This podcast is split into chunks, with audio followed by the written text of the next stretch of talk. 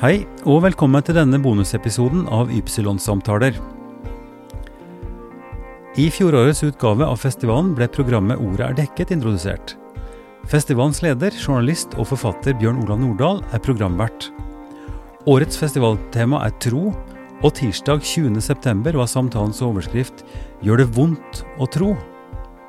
Standup-artist Shabana Rehman, prest og skribent Sunniva Gylver og kommunikasjonssjef på Modum Bad, Unni Tobiassen Lie, er gjester. Dette er den tredje av fire samtaler som arrangeres i den 13. utgaven av Drammen Sacred. Samtalene gjennomføres i samarbeid med Drammensbiblioteket, Stykke Holding og Kirkelig dialogsenter Drammen. Kjære alle sammen.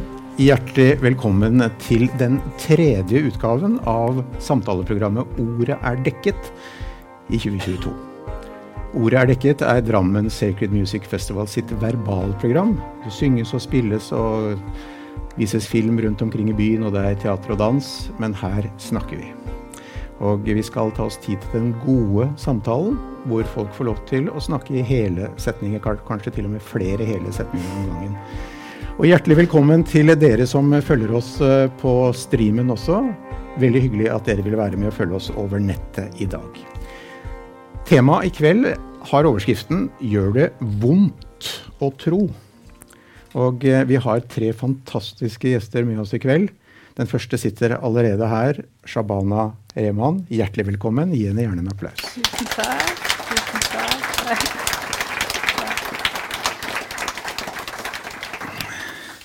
Ja, Shabana. Vi har jo truffet hverandre noen ganger opp gjennom uh, årene. Og uh, du har sett litt annerledes ut uh, når jeg har sett deg terge på deg mullaer og løfte de og andre religiøse og konservative ledere og ja, folk med litt annen tilnærming til både religion og tro enn deg.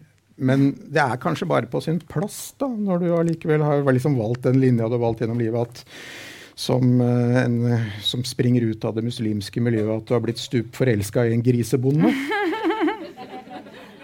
Det, er, det kjennes litt som Vi tuller jo med det, da. Det er litt skjebnesironi.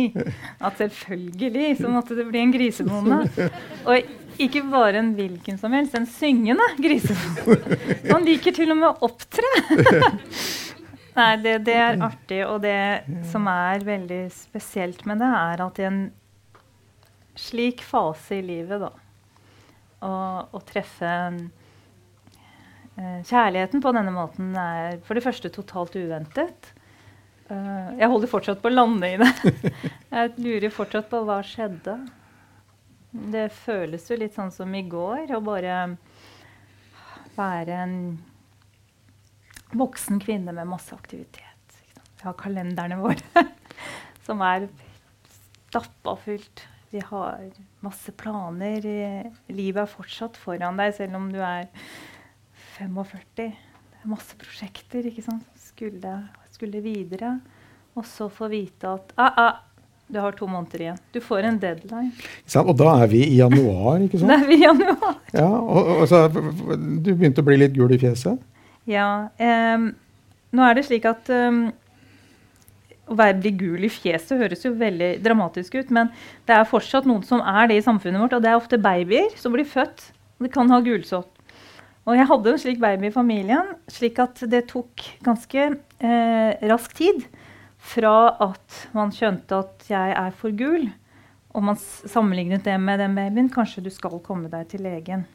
For før det så hadde jeg en måned eller noen uker etter jul hvor jeg trodde at jeg var et offer for stress ikke sant? Eh, magesår. Eh, litt sånn Ikke noe smerter, egentlig. Nei, Du hadde lagt en, lagt en liten sånn sjarmøretappe bak deg? Du hadde vel drevet og tatt opp eh, Farmen? hadde du ikke? Ja! Jeg hadde havna på en gård 100 år tilbake i tid med tolv mennesker jeg ikke kjente, men som resten av Norge kjente. Mm. Plutselig så sto jeg der og mjølka kuer og krangla med Dorte. Og, ja, så jeg vitnet en forelskelse mellom Sofie Elise og Isak. Jeg skjønte ingenting. 100 år tilbake. Jeg følte jo at jeg hadde kommet meg ut av en realityshow. Og egentlig til virkelighetens verden. For eh, jeg var i en situasjon hvor virkeligheten kjentes som et realityshow. Mm. Og det var veldig godt å komme tilbake. Bli kastet 100 år tilbake i tid uten mobiltelefon, med litt sånn stilletid, trodde jeg, da. Jeg, jeg du visste liksom, ikke at de filma deg, nei? Mm. Jeg visste ikke at det var sånn så mye intrigemakeri. Men eh, jeg var litt lykkelig uvitende, og kanskje derfor jeg ble valgt ut første uka til å bli pælma ut. men, men, eh, men, altså krasjlanding i virkeligheten egentlig dette, da? Ja, det blei det. Mm. det ble. Hva sa legen for noe? Jeg tenker egentlig med veldig varme tilbake på det øyeblikket, selv om det var brutalt. Jeg var jo alene når jeg fikk beskjed om det. Og jeg kom inn der og tenkte at nå, det er jo noe galt med systemet. Og så er det en eldre iransk lege da, som er veldig veldig varm i blikket. Og så ser jeg på han, for han ser bekymra ut. Og så sier jeg til han at du herregud, du ser ut som jeg har fått kreft eller noe. Jeg bare fleiper. Og så sier han til meg at du skal ikke tenke slik.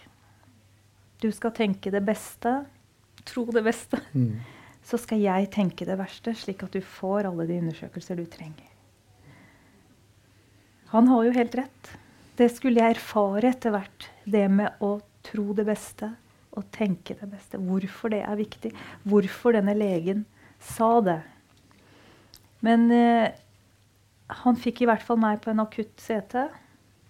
Og eh, et par timer senere så kom ikke han selv inn.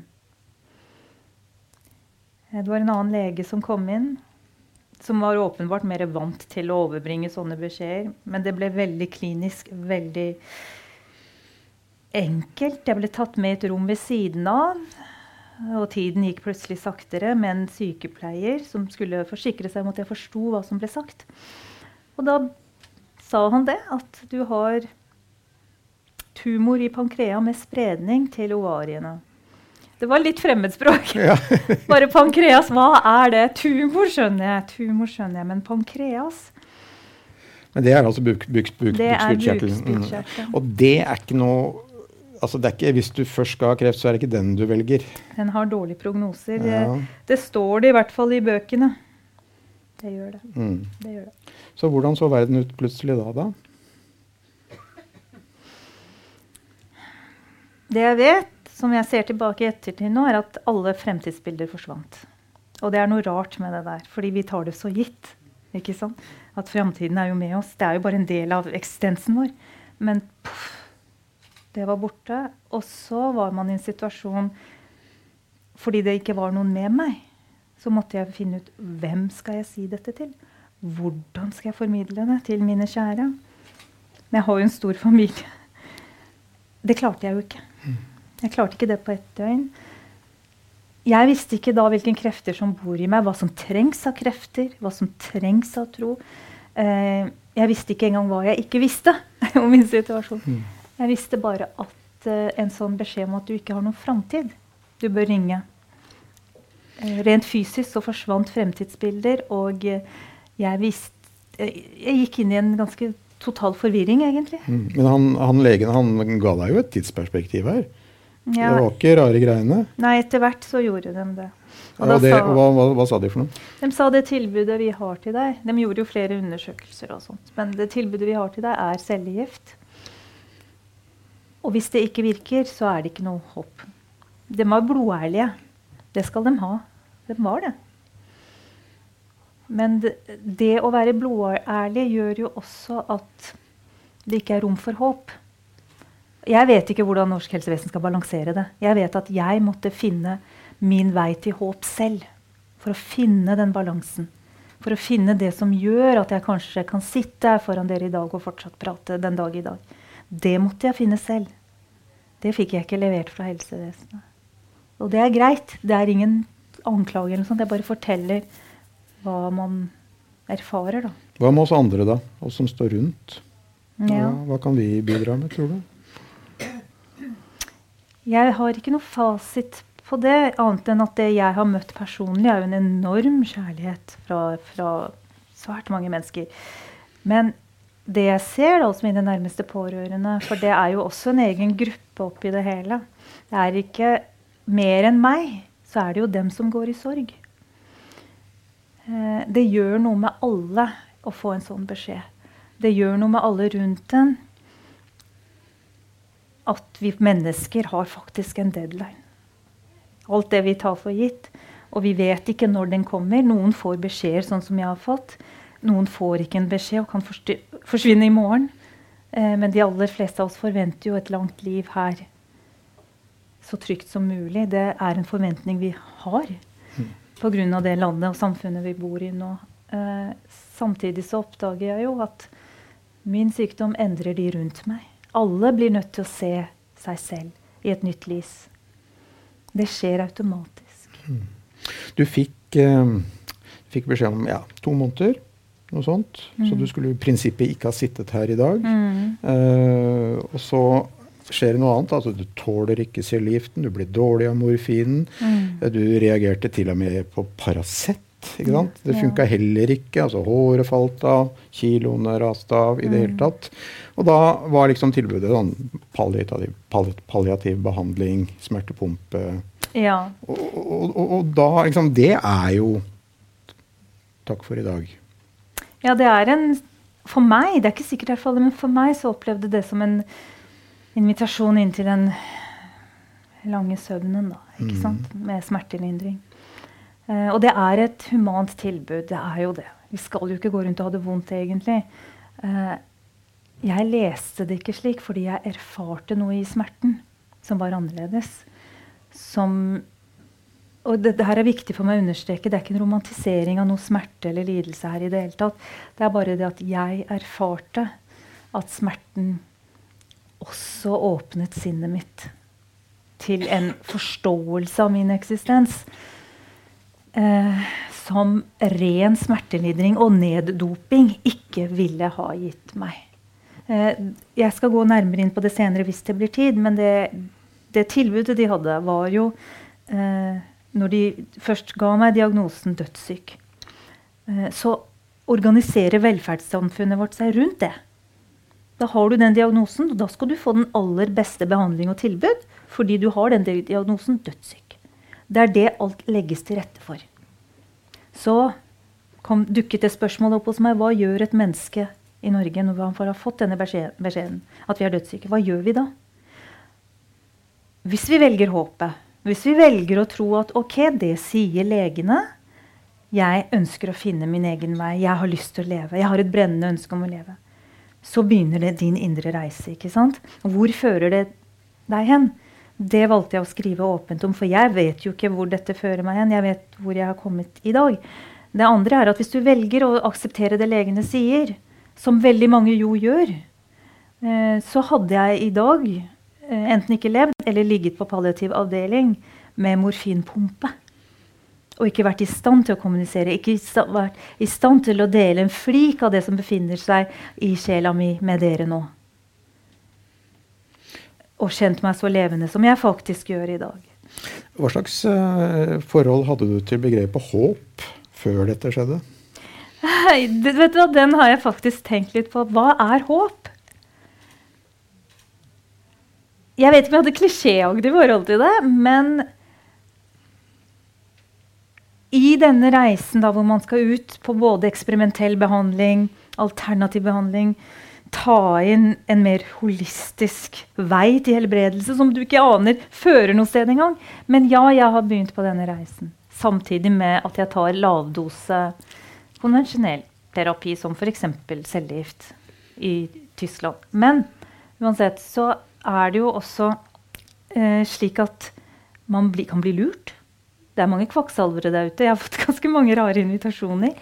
Innimellom mer seriøse, med folk som virkelig har erfart ting som er utenom det vi kaller normalt. Jeg lytter til alt, jeg er åpen om alt. Jeg må bruke min kritiske sans. Jeg må si hei, stopp. Dette er invadering. Her utnytter du en syk person. Men du, du sier noe viktig her. La meg lytte. Du må bruke hele apparatet ditt. Du må være veldig våken. Og det er her jeg fikk et nytt forhold til håp. Som består i Ikke sant? Fordi Det er utopi å gå og fortelle seg selv noe annet enn å være blodærlig. Du skal ikke ljuge til deg selv heller. Jeg er helt nødt til å være realistisk. Jeg er veldig syk. Og hvis jeg skal bli frisk, så må jeg forholde meg til det også. Og så fant jeg ut at håp Håp er jo realisme. Fordi du har håp fordi du har funnet ut at oi, dette fikk meg til å leve en uke til. Dette får meg til å puste. Dette får meg til å spise mat igjen selv etter åtte måneder med flere uker med intravenøs næring hvor jeg ikke har klart å spise. I dag spiser jeg. Det er håp, det. Men med realisme. Håp er noe virkelig. Det er dypt menneskelig. Så i dag veier håp kjempetungt for meg. Det er ingen drøm. Det, det, det er ingen sånn ønsketenkning. Håp er en erfart følelse. Håp er noe vi kan dyrke, og den henter sin næring fra realiteten. Det er optimisme også. Så jeg pleier å si at håp det er realisme som danser med optimisme. Mm. Og det har jeg tatt til meg. Tatt du, til meg. Eh, midt oppi dette her så dukker det altså opp en syngende grisebonde som heter Petter. Eh, du må nesten fortelle hva, hva er det som skjer her? Jeg veit ikke! det er en av de livets mange stunts. Da. Hva skjer? Altså, det er en sånn merkelig noen ganger, Jeg pleier å sitte og si til meg selv hvem er det som har skrevet dette manuset. Herlighet! Altså, ja, jeg har vært veldig aktiv i menneskerettigheter. Ja, det har vært forskjellige trosretninger som har både forstått og misforstått mitt budskap. Ja, endringer skremmer folk nye tanker, frigjøring, nye roller. Har utfordret folk. Jeg har stått i de stormene. Jeg har jo det. Og så oppdaget jeg dyrs rettigheter mm. og dyrevern. Engasjerte meg 200% i det. Og det skjedde så mye. Forskjellige typer engasjement. Så havner jeg på Farmen og elsker det. Og kommer ut, får dødssykdom, blir skilt. Opplever det jeg har opplevd av en forferdelig storm på arbeidsplassen og jeg føler at det livet jeg kjente til, det landet, det Norge jeg kjente til, ikke er det samme lenger. Alt føltes så opp ned. Og så er jeg på en konsert i Kulturkirken Jakob for ganske nøyaktig et år siden. Og der står en uh, bonde og synger om verdensfred og dyrevelferd og indisk mytologi. det, var, det, var, det, var, på en måte et kinderegg? En altså. nordmann, liksom. Og så tenker jeg at ok, den mannen der er jo full pakke. Men jeg forestilte meg ikke da at fortsatt så skulle vi være venner, og etter noen måneder så skulle jeg få dette budskapet. Og først etter det så skulle kjærligheten treffe oss så sterkt som den har gjort. Og, så, og midt i dette alvoret da, av alle disse følelsene, kan man tillate seg dette? Det er jo øyeblikkets kjærlighet, men så er det hele verden. Det minner meg om det ordtaket som jeg er blitt veldig glad i av Rumi nå. da, at du er ikke en dråpe i havet, du er havet i en dråpe. Og det er, det er, sånn kjærligheten oppleves. Ok, så er det dette øyeblikket, men når to mennesker er helt enige om det, da er det det vi har. Da er det det vi dyrker, og det er helt synkron. Men det må jo være så, litt, så blir det jo denne. men det må jo være litt av en type dette her som veit realiteten her. Altså han kjenner til sykdomsbildet ditt, han vet at det er noen tidsperspektiv her, og likevel så bare det er ingen illusjoner der. Det er, det er, masse håp, og det er kjærlighet. Og det gjør at jeg har fått framtidsbilder tilbake. Jeg sitter og planlegger og plutselig blir sånn gårdsfugl. Hm, bør disse kjøkkengardinene skiftes ut? Litt, nei, men de passer til dette bondegreiene. at jeg sitter plutselig og holder på med det, er jo bare kjempesnålt. Ikke sant? Men det gjør kjærligheten. Den, den gjør det. Mm. Og ja, han er eh, Det jeg sier om han, at han er ikke skuddredd. Han er vant til å jobbe med liv, død, livssyklusen med alle disse dyrene. Ullgriser, kalkuner, kyllinger. I går kom det en rev og tok en kalkununge. ikke sant? Naturens brutalitet. Så på, på, gården, på gårdslivet, så møter man jo livets sykluser på en helt annen måte. En litt annen variant av formen, dette. formen fra virkelighet. Du, ja, altså, ingen blir stemt ut, i hvert fall, i hvert fall ikke av noen storbonde. Da er det storbonden der oppe som holder på. Men du, altså jeg må, jeg må dra fram en episode som jeg syns er uh, veldig flott og skremmende og alt mulig på en gang. Og det var altså at uh, du har jo dette galledrenet ditt, ikke sant? Ja. Som var kommet ut av stilling, og det rant galle ut i systemet ditt, og du holdt på å bli forgifta, og uh, du holdt på å stryke med, og ja, så havna du på sjukehus, og Petter var på turné. Og så fortell videre hva som skjedde når han kom stormende gjennom tollen og bare skulle rett på sykehuset til deg. Altså, eh, det er mange små sånn, skrekkting da, i en sånn behandling. ikke sant? Fordi plutselig å, kreftmarkørene begynner å gå oppover, kreften sprer seg. Eller Eh, hvorfor er du kvalm nå? Hvorfor har du smerter nå? Er det kreften som har vokst? Er det forstoppelsessmerter? Hele tiden en tolkning av situasjonsbildet. Og det skjedde også med, med galen, fordi bukspyttkjertelen er jo her. Og grunnen til at dette er så uh, det er så dårlige prognoser, er jo at det er jo en, en, en vital organ, og den trykker på det mest uh, essensielle for oss, å ta til oss næring. Ofte er det jo ikke kreften du dør av, men at du ikke får tatt til deg næring. Så hver dag er det en kamp for å spise. Ikke sant? Eh, og der eh, er jo gallen for tett, sånn at nå har jeg en pose. Og det som sa, hele kroppen endrer seg. Så jeg trodde jo når man er så endret Og det viser jo hvor fullt av fordommer man selv er òg. At jeg ikke har noe rett til kjærlighet, jeg har ikke noe rett til intimt liv. jeg har ikke noe... Man begynner å fortelle seg selv historier fordi man blir så totalt forandret. Eh, og har en sånn kropp som i, er utenfor normalen. da. Og så tenker man at noen vil synes jeg er vemmelig, noen vil synes jeg er ekkel. Og så begynner du å skape de bildene, men kjærligheten fikk jo meg til å slutte med det. Ja, det skjedde en um, blokkering av drenet, og galle er giftig. Galle er det som spalter maten vår. Så begynner det å spalte indre organer. Det begynte å spre seg. Så jeg fikk ringt legevakta, jeg fikk ringt Petter, og han landa hadde vært på sangjobb i Georgia, eller noe sånt, så han løp i cowboystøvler gjennom tollen og ropte 'Jeg har en syk kjæreste! Flytt dere!' Jeg tror jeg ser det på meg. Nei, så vi har sånne dager. Vi har sånne dramatiske dager, og så har vi andre dager. Og du bare sitter og ser på kattunger og mm. Men altså, han, han kom på sykehuset, ja. tok tak i handa, og så, og så sier han noe som jeg blir sånn veldig imponert over. Så sier han 'Nå snurrer Shabana. Pokker heller, ta meg i handa. Nå mobiliserer vi begge to. Mm. Skjerpings, du skal ikke reise nå. Du skal ikke reise videre nå. Jeg fikk ikke lov. Han sa jeg slipper deg aldri. Jeg mm. slipper deg aldri. Hva gjør det med deg å ha en sånn kjæreste? Altså, når du, jeg var jo sånn i gikk jo liksom i bane rundt jorda. Bare wow, skal jeg dø nå, liksom? Hva, Gud, hvordan er det? Jeg begynte også, når jeg hadde kommet over sjokket, så begynte jeg å liksom undre meg litt. Da, bare, hva, ikke sant? Man begynner jo å tenke litt når man er aleine. Hva betyr det å være et menneske nå? Får jeg svar på den store gåten? Eller ikke? Er det slutt? Masse sånne eksistensielle spørsmål. Så, kommer, så føltes det som om at han kom med en sånn lyshånd og bare hopp, grep tak. du får ikke reise! Kom tilbake her! Vi skal være på gården! og så er det store spørsmålet hvordan håndterer du det?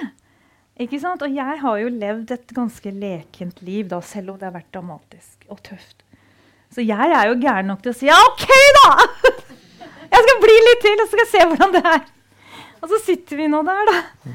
Og prøver å få til dette. Mm. Vi gjør det. Vi gjør det. Men du lever Du beskriver som at livet ditt liksom lever i to linjer på et vis. Du har den ene linja med høner og sauer og griser og en kjæreste med cowboystøvler som synger, og eh, i det hele tatt uh, bikkjer Altså alt det der som på en måte er nært og tett og fint. Så har du den andre linja med intravenøs mating, smerter som kommer, folk som må komme og hjelpe deg om natta fordi du ikke klarer å håndtere smertene dine. Altså, hvordan er det å leve i de der to, med de to uh, Altså en slags dualitet? Mm, det er akkurat sånn det føles, som en dualitet. Jeg pleier å beskrive det som at det føles som å leve to tidslinjer på en gang. Fordi de er så, de er så, det er så sterk kontrast. Det ene er så tydelig på at du er alvorlig syk, du skal dø. Og det har det forløpet som forventet. Så vil det bli verre og verre. Og så må vi dope deg mer og mer. Eller smertelindre deg mer. og mer.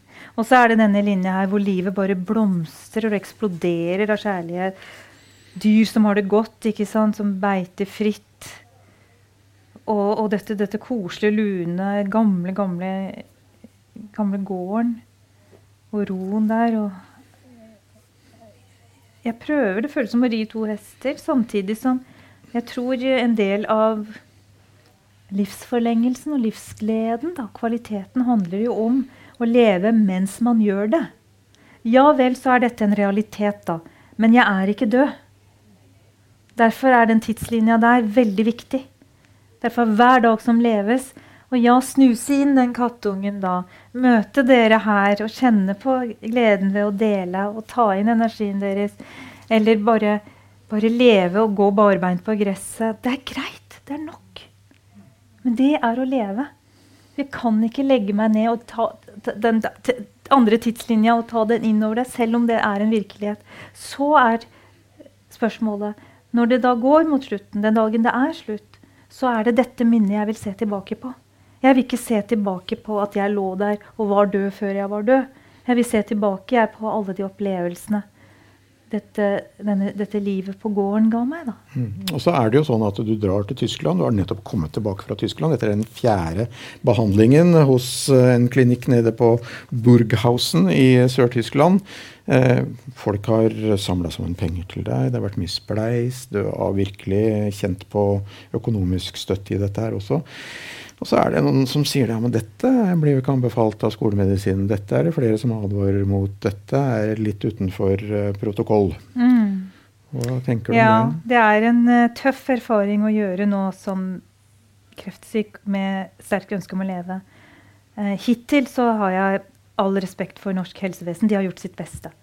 Jeg kan si høyt nå at jeg er ikke i de beste hender.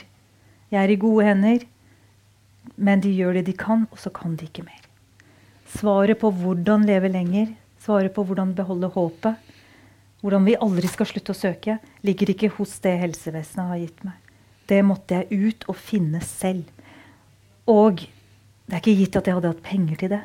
Det er ikke gitt at det hadde vært spleis. Det er flere som hadde fortjent det.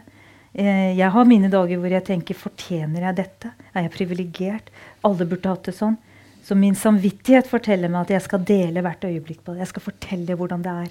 Hvis dette, hvis dette, blir bra, hvis dette i det hele tatt gir noen resultater, og om ikke annet, hvis dette gir meg en livsinnsikt, så skal jeg dele dette åpent. For det er det den reisen ga meg. Det var det å gå utenom det konversielle ga meg. Det jeg, skal jeg gi videre tilbake til dere, så kan dere vurdere hva man skal velge. Og om det går an å velge slik at disse to veiene kan åpnes. Om norske helsevesen kan åpne seg litt mer og lytte. Hva sier pasienten? Selv om vi har fått en diagnose som forteller oss at vi trenger ikke å satse på noe annet. De skal jo den veien uansett. Så da kan vi spare litt her. Vi trenger ikke å gi den pasienten PET-scan. Vi trenger ikke å gi den CT for å ta bilder av hvordan det står til med kroppen i dag etter fire behandlinger i Tyskland. Fordi vi har jo lagt diagnosen hun er dødssyk. Så jeg får ikke det. Jeg får ikke ta bilder av kroppen min nå fra norsk helsevesen fordi jeg har fått den diagnosen. Så som dødssyk så er jeg plassert et sted hvor det er bestemt hvor mye penger det skal brukes og ikke brukes. Jeg er helt avhengig av støtte for å finne ut av å lese meg selv. Jeg står på ingen måte alene. Jeg kan ikke stå alene. Og jeg er et menneske som har tatt mange valg alene. Så det er veldig, veldig sterkt å være i en sånn situasjon hvor jeg er totalt avhengig av andre. Og andre har gitt, andre har støttet. Og det er også veldig sterkt å oppleve. Veldig sterkt. Mm. Jeg lurer på om vi skal ta inn neste gjest. Ja, tusen takk. Hun heter Sunniva Gylver og er eh, prest i Fagerborg kirke i Oslo. Skribent og eh, foredragsholder og eh, ikke minst treningsinstruktør. Her, dere kan, på. dere kan gi Sunniva en applaus, og så skal du få lov til å Velkommen skal du være, Sunniva. Du skal ha på deg denne her. Skal vi se om vi får til det. Du skal kle den på deg, så må du ta på deg et par briller. Det har du gjort før. Se. Skal vi sjekke Er den på? Den er ikke på. Jeg skal sette, jeg skal sette, nei, jeg jeg skal sette den på fordi den er Nei, den lyser ikke. Skal jeg fikse den. Sånn. Der. Der. Sånn. Hyggelig at du har tatt turen til Drammen, Sunniva. Det har jeg. Det har jeg. Kommer nærmest rett ifra en treningstime, gjør du ikke det? Ja, jeg gjør det. Så jeg beklager jeg kom litt seint. Men jeg fikk med nesten hele intervjuet. Ja. Du, eh, hvordan har du det om dagen? Ja, det er ganske spesielt å stå og lytte. Um, du har en veldig sterk historie, og så er du jo en eminent formidler i tillegg. Uh, men det er klart det er litt sånn Jeg tenker er det vanskelig for deg at jeg er her med den historien vi har? Mm. Uh, Lars Christian og jeg. Uh, Eh, vi valgte jo litt annerledes. Eh, men så tenker jeg at i en, et sånt samtaleformat som dette, så går det an. Mm. Eh, og jeg kjenner meg nok igjen i den Nå kjenner ikke jeg deg godt, men, men altså den derre spennet man står i. Mm. Så når folk spør hvordan jeg har det, så, er det jo både sånn at jeg eh, faktisk gleder meg til hver dag. Eh, og jeg tror jo Jeg tror kanskje jeg gjorde mye før også, men enda mer nå. Eh, er veldig intenst til stede i hver eneste lille ting i hverdagen. Eh, at gleden også blir mer intens. da. Og så savner jeg Losjistan enda mer enn i fjor. Mm. Du pleier å si har jeg sett, at jeg har det så godt jeg kan og så vondt som jeg må. Ja. Hva betyr det? Ja, det betyr vel akkurat det, da. at, eh, for jeg tror mange tenker at man ikke kan ha Enten så har man det ene eller det andre. Men så tenker jeg at erfaringen for mange av oss er at det er ikke sånn. Eh, og det, jeg har møtt meg selv litt i døra, for jeg sier jo som prest at vi skal alltid liksom spørre hvordan folk har det. Men jeg kjenner at det er veldig ofte umulig å svare på. Jeg har det alt, egentlig. Så, eh, men det å eh, Det er klart jeg også Vi er jo kanskje litt like på at vi har jo et stort nettverk, og vi er begge ganske gode til å sette ord på ting. Så jeg tenker vi må fortsatt si at man skal spørre, for det er jo en del som ikke har så mange som spør. Mm. Eller som trenger å bli spurt for å fortelle. Mm. Men en bakteppe her, bare for å øh, rekapitulere, rekapitulere det. Du og Lars Kristian. Eh, en uh, gipsmaker, ultraløper, ektemann gjennom 34 år, far til de, deres tre barn. Eh, fikk kreft. Og akkurat i sommer så var det et år siden han døde. Og du har fra første stund nærmest vært sånn hudløs åpen og ærlig i mange sammenhenger på å dele den historien om dere. Og så sier du at jeg er ikke redd for å fortelle om hvordan vi mista Lars Kristian, eller snakke om min egen sorg. Det koster meg lite, sier du. Hvorfor er det sånn? Nå kjenner ikke jeg alle som sitter her, eller lytter og ser på andre måter. Eh, jeg har vært vant til å være offentlig i hele mitt presteliv. Du har jo også levd et liv i offentligheten i mange, mange år. Mm. Så det er klart dette ville vært helt annerledes hvis man ikke var vant til det. Men um, jeg opplever det dypt meningsfullt, og det syns jeg jo jeg hører du sier òg, å kunne dele fra det ståstedet jeg har. Uh, og jeg tenker det kan godt hende denne sorgen er uh, mer smertefulle perioder om fem år hvis, jeg, hvis, det er noen barn som plutselig får barn Lars Kristian ville jo vært verdens absolutt beste bestefar. Sånn helt objektivt. Mm. Jeg er ikke så veldig opptatt egentlig av barnebarn. Eh, ikke misforstå meg rett, men jeg har liksom ikke Mens han har jo mast på det siden ungene var tolv. Og jeg har sagt må vente. Men ikke sant, Så det kommer jo noen sorger som ikke jeg kan ta nå. Men, men i utgangspunktet så, så tenker jeg nok at det å stå i dette spennet nå Eh, jeg valgte å gå offentlig ut fordi jeg vet at vi hører bedre når folk står midt oppi noe. Det har jo sikkert du erfart til fulle. At den talerstolen man har da, den er helt annerledes enn du kanskje får den et år eller to eller tre år etterpå. Og vi som da har et offentlig rom, og nå skal du selvfølgelig få snakke for deg selv, jeg har veldig respekt for om du ville sagt at nå holder det, liksom. eh, og beundrer deg for den måte, posisjonen du har tatt inn i dette. Men for meg også har det vært viktig å tenke at jeg, jeg, har et ansvar og en mulighet for å delta i den offentlige samtalen om sorg, om død, om forsoning, om håp, mm. eh, om tro. Eh, jeg har jo nettopp da skrevet ferdig en bok som uh, kommer i butikken på torsdag. Men den er her nå hvis noen vil kjøpe den med seg etterpå. Men uh, da skriver jeg om eksistensiell beredskap. Og jeg tenker en del av det du snakker om, vil jeg kalle det. Eh, vi snakker mye om smitteberedskap, katastrofeberedskap, terrorberedskap, eh, kriseberedskap. Men vi snakker jo ikke om eksistensiell beredskap. Jeg vet ikke om det er et ord engang. men eh, det er i hvert fall Jeg støtter det der så innmari. Fordi, og, og, særlig fordi vi bor i et velferdssamfunn mm. hvor vi egentlig skal ha all den hjelpen vi trenger. Og det gjør oss litt passive. skjønner mm. du. Og hvis vi da ikke har den der mentale, emosjonelle og etiske beredskapen i forhold til livskriser, så blir vi så overlatt at vi blir liggende på det rommet da, og blir hele tiden fortalt ting. Og egentlig blir bare flyttet på. Fordi vi ikke klarer å mobilisere noe. For vi har ikke den beredskapen. Så det, det er bare kjempebra. Ja, og så er det jo noe med at hvis, hvis, vi har vært Det er jo ikke alle i Norge som er trygge og privilegerte, men har vi vært det, så kan man på en måte lenge lure seg selv og tro at vi er mye mindre sårbare enn det vi er. Nettopp. Og jeg tenker Det å erkjenne at livet er ekstremt sårbart. Og jeg fikk mange samtaler som prest under pandemien, hvor folk liksom opplevde en annen type uforutsigbarhet og uvisshet enn de hadde hatt. Og mange sier det også i høst. Verden er enda mer urolig. Så prøver jeg å si at ikke undervurder hva som skjer når du på den ene siden har alle eh, glossa instabilder, og på den andre siden har media som i stor grad mater oss med nyheter om konflikter og uro hele døgnet. Mm. Det er ganske sånn svær greie å ta inn hele tiden. Så når jeg valgte å, å, være offentlig så tidlig, så var det jo fordi jeg selv hadde en sterk erfaring, som jeg jo skrev om da fra starten, at jeg dagen etter at eh, Lars Christian døde på Lovisenberg lindring og livshjelp, så um, dro jeg ned til Tjuvholmen og bada. Mm. Uh, ungene var akkurat da hos noen venner hver seg. Uh, og jeg satt der nede, og jeg hadde måttet legge ut en status fordi noen i familien hadde begynt å poste for tidlig. Så jeg måtte bare få sagt noe selv. Så jeg visste jo at kanskje noen har lest dette og kjenner meg litt igjen. da. Det er ikke så mye dreads nede på Tjuvholmen. Og hva tenker de da?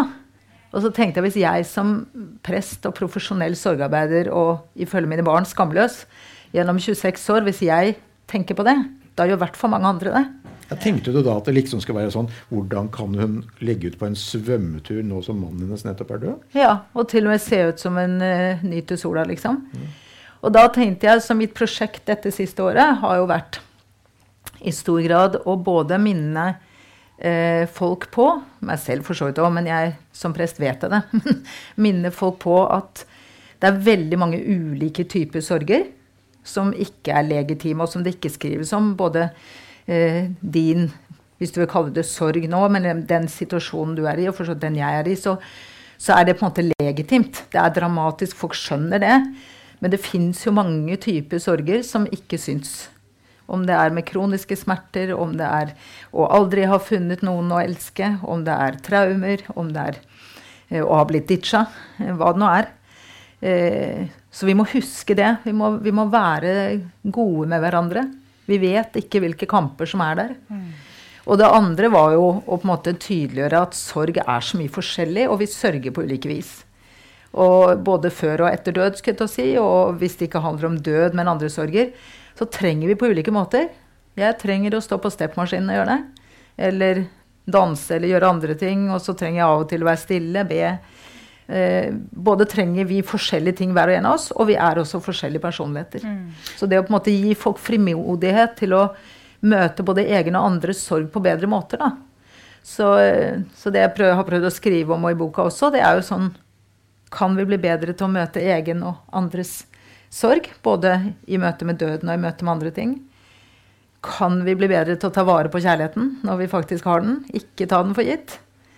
Og kan vi bli bedre på eksistensiell beredskap. På å finne fram hvilke verktøy, hvilke ressurser har mm. jeg i møte med livet og døden. Og jeg tenker Det er jo noe av det du beskriver veldig sterkt. Hvordan du har funnet mange av de ressursene og de verktøyene.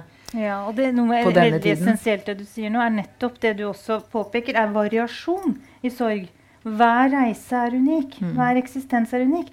Og det å skape aksept for at man bearbeider ting på unik, mange forskjellige måter, det er greit. At det ikke er e- ett gruppesvar på 'sånn skal du være'. Ikke sant? Da får vi det sånn som India, hvor alle enker ble snauklipt og skulle sørge å gå i hvitt resten av livet fordi de ble enker. Ikke sant? Det der gruppepresset sånn, akkurat presis sånn skal dere sørge. Ingenting annet er tillatt. Det skaper lidelse. Men det du forteller om nå? At et mangfold i hva sorg er. Og det er greit. Noen må gjøre det, andre må gjøre det. Alt handler om bearbeidelse.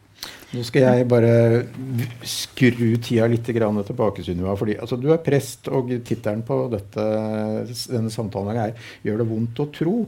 Og Da du var tidlig i tenårene, så døde søsteren din Gunvor. Eh, og du fikk jo da den gangen noen litt sånn uh, uttalelser som uh, var litt eh, Som vi, vi, ofte hører. Det er nok en mening med det. du skal nok se at det er en større plan, osv. osv. Og da skjedde det jo noe med deg. Ja, jeg har jo hatt noen sånne livshendelser. Mm. Um, og den første veldig sånn tydelig for meg var da Gunvor døde. Og hun mm. var jo 15 da jeg var 16. Mm. Hun hadde hatt anoreksi i fire år, som på den tiden var en ganske sånn lite omtalt sykdom. Så folk skjønte ikke Kan jo ikke bare ta seg sammen, spise? Dør jo ikke av sult i, Norge, i verdens rikeste land, liksom.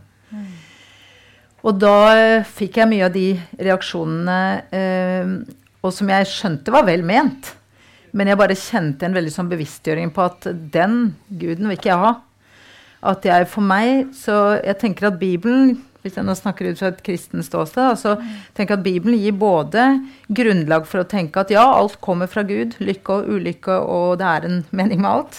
Hvis man postulerer en allmektig og kjærlig Gud, så handler det om at jeg ikke har sett det ennå, men jeg kommer til å se det en gang. Og hvis man hviler i det, så skal man få hvile i det. Da skal ikke jeg ta det fra deg. Fordi hvis du virkelig tror på det, så gir det jo stor slitestyrke også. Men du får ikke bruke det til lettvint svar til andre. Uh, og for min del så tror jeg ikke det er en mening med alt som skjer. Det er så mye lidelse i verden, og Gud har skapt og elsker alle. Da tror jeg ikke puck på at det er en mening med alt som skjer. Men min erfaring er at det går an å At Gud kan skape mening i alt som skjer. Og som banalt eksempel fra da Gunvor døde, det var jo da hadde vi en, et salmevers av Svein Ellingsen i dødsannonsen. Eh, hvor han mistet selv barn. Eh, og han sa, skrev selv om ubesvarte hvorfor stadig dirrer i vårt hjerte, ber vi Herre gi oss tro. Tro på deg som kjemper med oss, fylt av kjærlighet, i nærkamp med det ondes makt i verden. Og så ringer eh, fasttelefonen, og jeg tar den, og det er en ukjent mann, og så sier han at eh, kona mi døde samme dag som deres Gunvor. Eh, hun hadde en barnetro. Jeg har aldri vært religiøs. Men da jeg leste annonsen deres, fikk jeg en bønn å be. Takk. Mm. Og det var salmen til Svein? Ja. Mm. Og så kom han i begravelsen til Gunvor med en blomst, og så dro jeg dagen etter i begravelsen til kona hans med den boka hvor denne salmen sto i. da. Mm. Og det er liksom en sånn liten ting, men at jeg tenker at Og jeg syns jo du beskriver sterkt mye av det. At, det.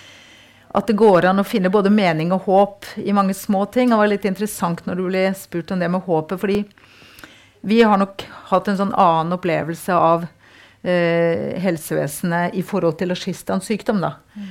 Fordi vi fikk veldig beskjed med en gang. Eh, du har Han var jo også alene på sykehuset, covid. Mm. Og ringte meg, og jeg satt på 20 da. Høres ut som jeg er der hele tiden. Det var jeg ikke, men eh, jeg var nå der nede. Og så sier han 'dårlige nyheter, jenta mi'. Mm. Jeg har en stor svulst, og den presser på hjertet. Mm. Og så kom jeg hjem, og så ble vi jo innkalt med en gang. For da hadde det vært mye Det var covid og hadde ikke fått undersøkelser. Nå ble det mye, liksom.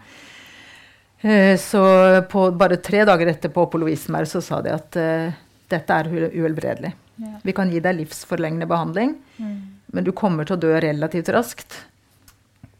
Du kan få noen uker, kanskje måneder, og kanskje noen år. Vi vet ikke.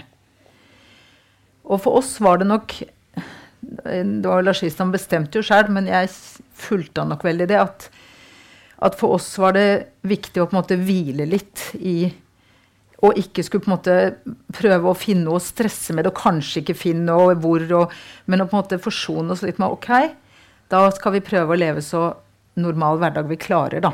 Men det er litt forskjellige forløp. Så vi fikk jo det en god stund. Men å leve mens man gjør det? Men å leve mens man gjør det, og ta vare på eh, gleden og de gode tingene, og ikke på en måte stå med liksom dødsdømt i panna, skal jeg til å si, mm. det kjenner jeg veldig igjen. Og så hadde vi veldig nydelige leger både på Ullevål og på Lovisenberg.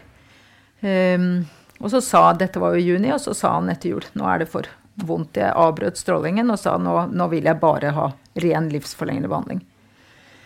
Eller ren palliativ, da. Mm. Eh, og, og, så ble han jo veldig mye dårligere i april. Og så døde han da i starten av juni. Og, det, og da var det, fikk han jo ikke puste. Så det er jo en, når man har den type kreft, så er det jo det som er hovedproblemet. da. Mm. Så, eh, så, det var jo ikke noe, var ikke noe stas. Og det, jeg tenker jo alltid når jeg sitter i møte med mennesker, kanskje ikke så møte med deg her, for jeg tenker du har tenkt og jobbet så mye gjennom ting, men at jeg, jeg er jo liksom bærer litt av den dårlige historien. Ikke sant? Det gikk ikke bra. men, men, jeg tenker at håpene handler også om Rashistans håp ble jo etter hvert fra å kunne løpe 100 km og jobbe med kunsten, til å kunne få leve litt lenger, til å kunne få puste litt lenger, til å kunne være ute i naturen med meg og Milla. Altså det, vi, vi, vi, vi regulerer jo også håpene og legger inn Jeg tenker jo at på mange måter blir man jo mer håpefull jo mindre Eller kan bli, da. Jo mindre håp man utenfra sett også har. For da må man ta vare på det håpet som fins. Men spørre deg om en ting. Dere er jo tre barn. Eh, to jenter og en gutt. Eh, og jeg leste at du hadde sagt at eh, barna mine de klarer ikke å være like takknemlige som meg. Eh, de har mer sinne og bitterhet, og det er helt naturlig. Altså, det er jo åp åpenbart uh, ulike, ulike sinnsstemninger i familien her. Ja, ja. og Bare sitatet 'ikke vær like takknemlig som meg', det var altså fordi Noah sa Mamma, jeg klarer ikke å være så takknemlig og glad som du er. Jeg får det ikke til. Og så sa jeg det trenger du ikke. Eh, så jeg går ikke rundt og, og sier at ja, nei, de klarer ikke å være så takknemlige som meg. Men, men det handler jo om Altså, vi er ulike. Jeg har et lyst sinn. Det er en gave. Det har ikke alle. Eh, Noen har mye mer kamp bare for å møte hver eneste dag. Og jeg har flere av dem tett på meg, så det vet jeg så godt. Eh, Men jeg har erfart, og du sier jo stadig noe om at folk gjør sine erfaringer, dette er min erfaring, og det må nok jeg si litt òg, at eh, for meg er det viktig, selv når det var på det vondeste de siste månedene til Roshistan, hvor, eh, hvor det jo hele tiden er en sånn avveining. Hva klarer vi, og hva orker vi å stå i? Men vi bare må jo. ikke sant? Og du vil holde på hvert minutt, men samtidig vil du få det overstått.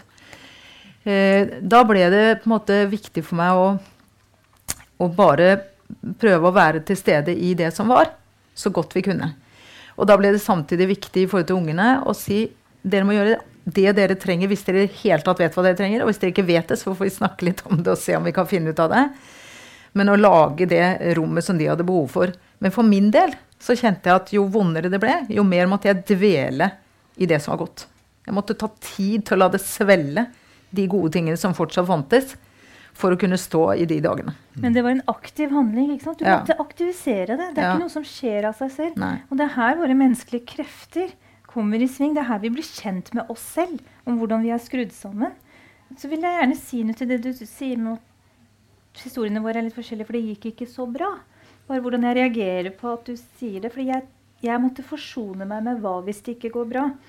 Og jeg tenker ikke lenger sånn nå at Mm. hvis det blir slutten, så betyr det ikke at det ikke går bra. Mm. Jeg har forsont meg med det. Mm. Hva er det egentlig at det går bra, da? Ja, det er en Og, og det er jo det du forteller, at de dveler ved de gode sinnene. Har dere klart å aktivere det? Fikk han det så bra som han fortjente?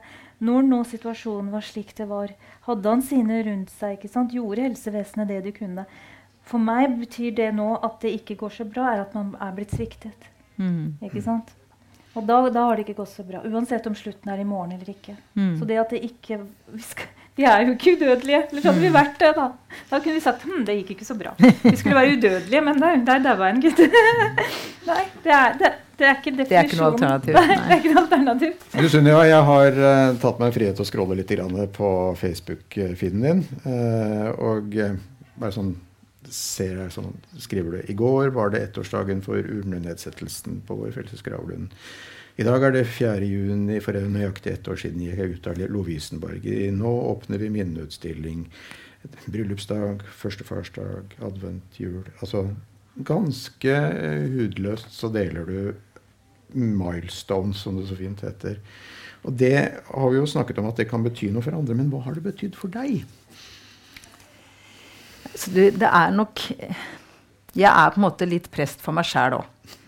Og nå har jeg vært prest i 26 år, og det som ble utrolig sterkt for meg, det var jo at søndagen etter jeg hadde fått den diagnosen, eller lagista når jeg hadde fått den, så skal jeg jo opp på prekestolen, eller jeg står ikke på prekestolen, da, men oppe foran i Fagerborg og holde preken. Og kjenne at jeg kan si de samme tingene som jeg kunne si før.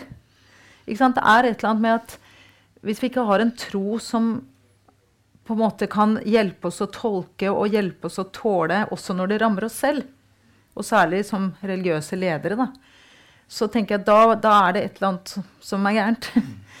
Fordi at eh, Og jeg møter det jo mye som prest, så møter jeg tro er jo best og verst, apropos din eh, overskrift. ikke sant? Jeg møter mennesker som opplever at når noe vondt og ondt rammer, så tolker de det som fravær av eh, Gud eller straff for noe de har gjort galt.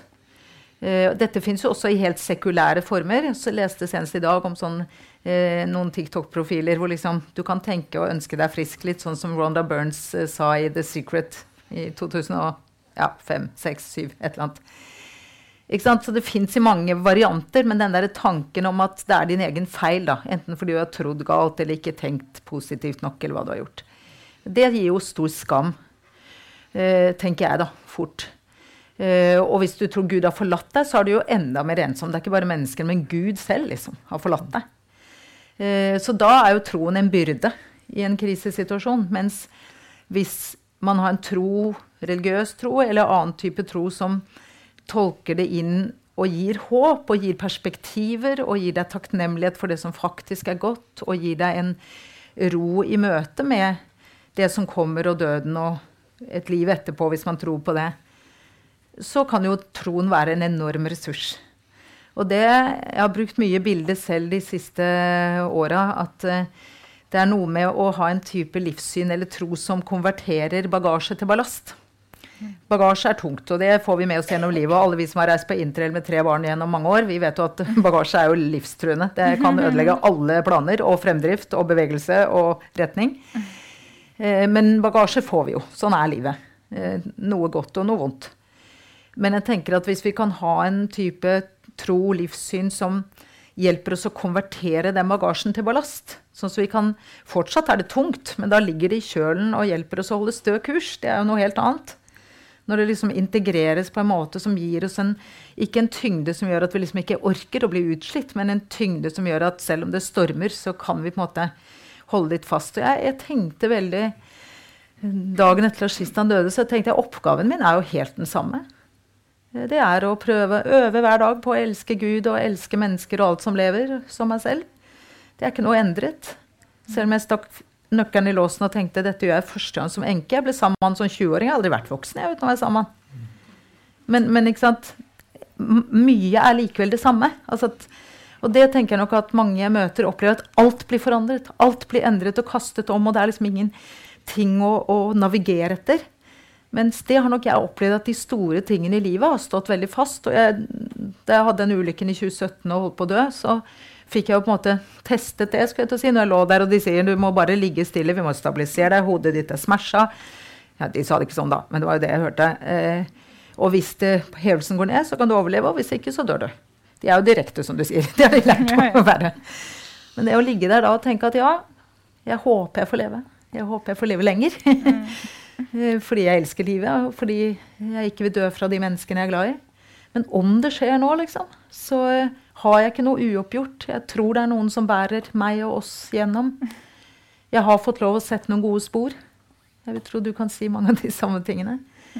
Og det, det gjør en stor forskjell. Så det fine er å være prest og pushe dette på folk. Kom igjen, tenk gjennom livet og døden. Snakk fram ditt eget livssyn og din eksistensielle beredskap. Mm. Jeg skal hente inn den siste gjesten. Unni Tobiassen Lie. Eh, ønsk henne hjertelig velkommen. Kan jeg flytte litt bakover, så jeg ser?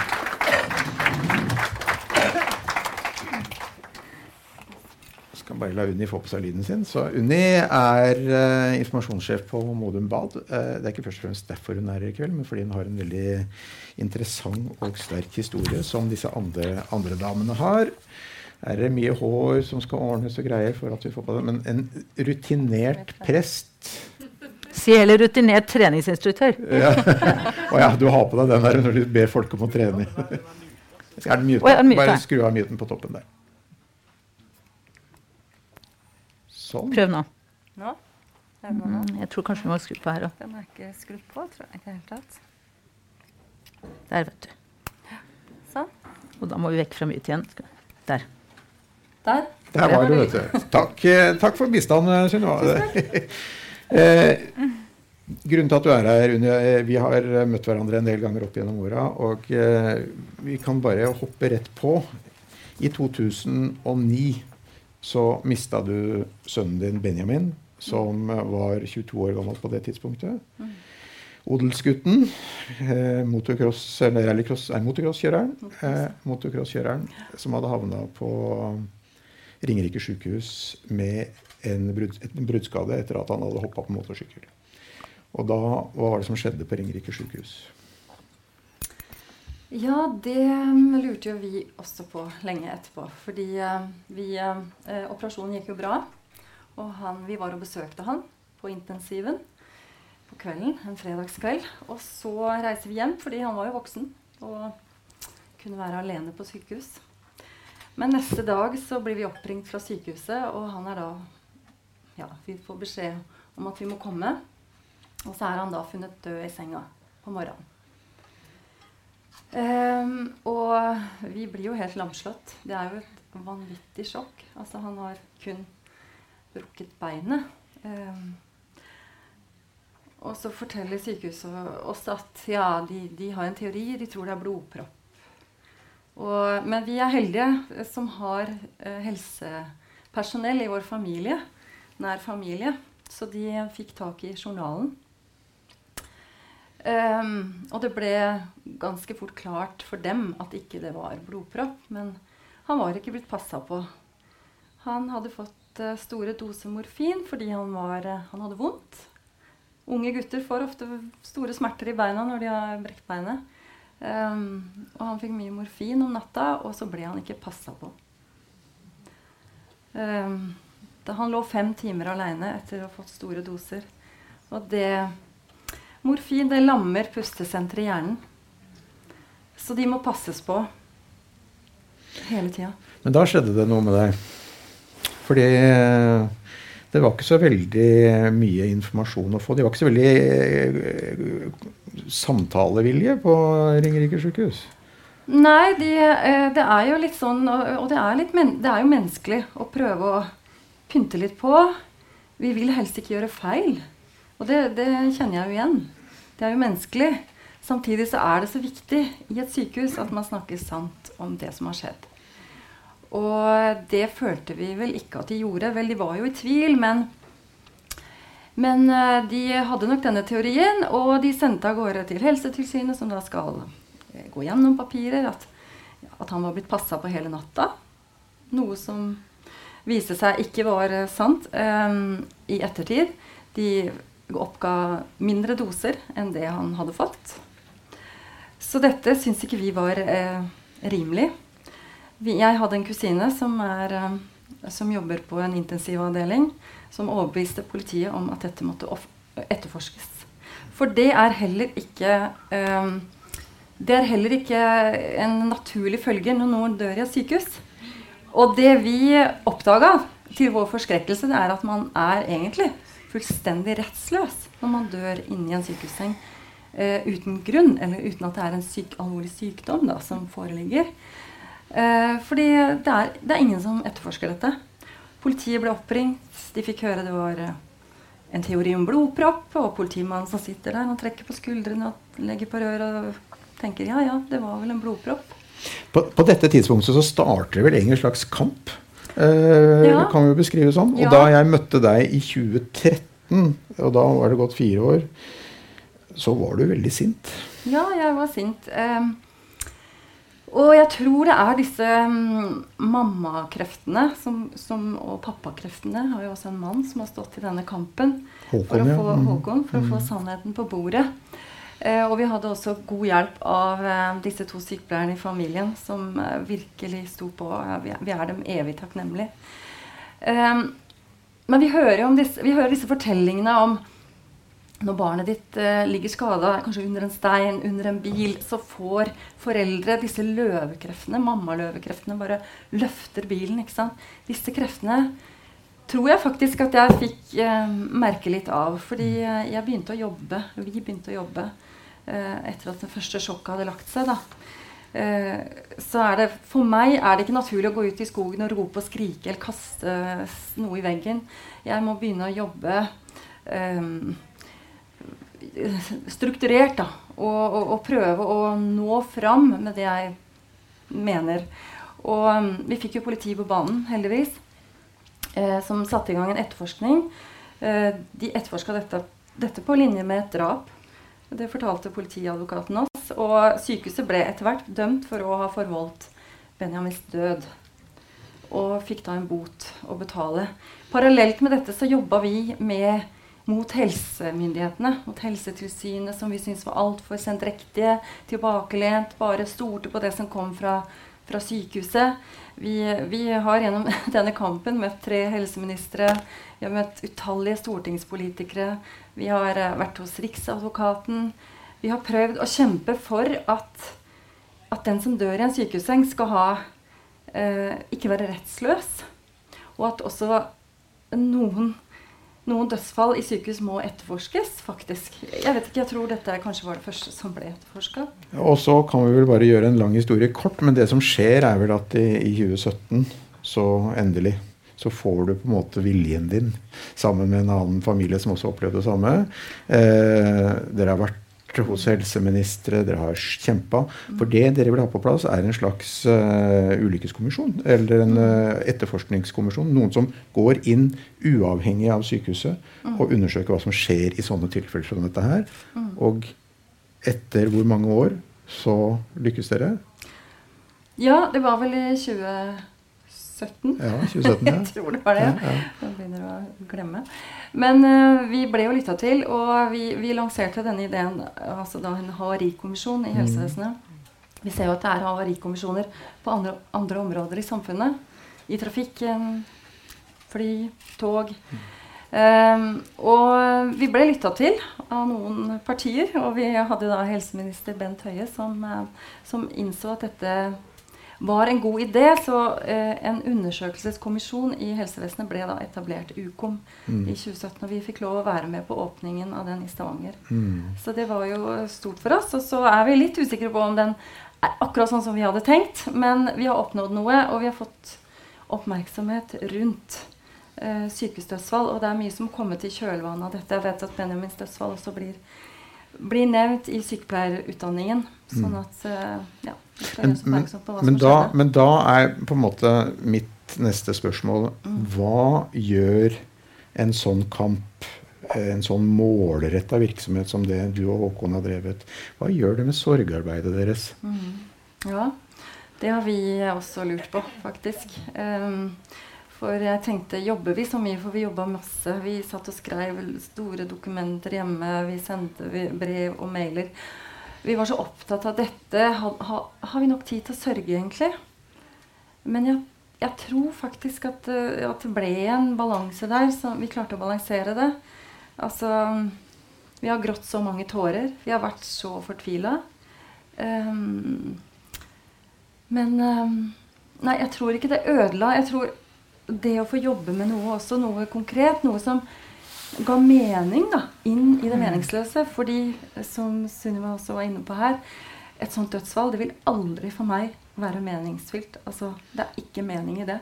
Altså, mm. det kan ingen si til meg. Da En sånn Gud vil ikke jeg tro på.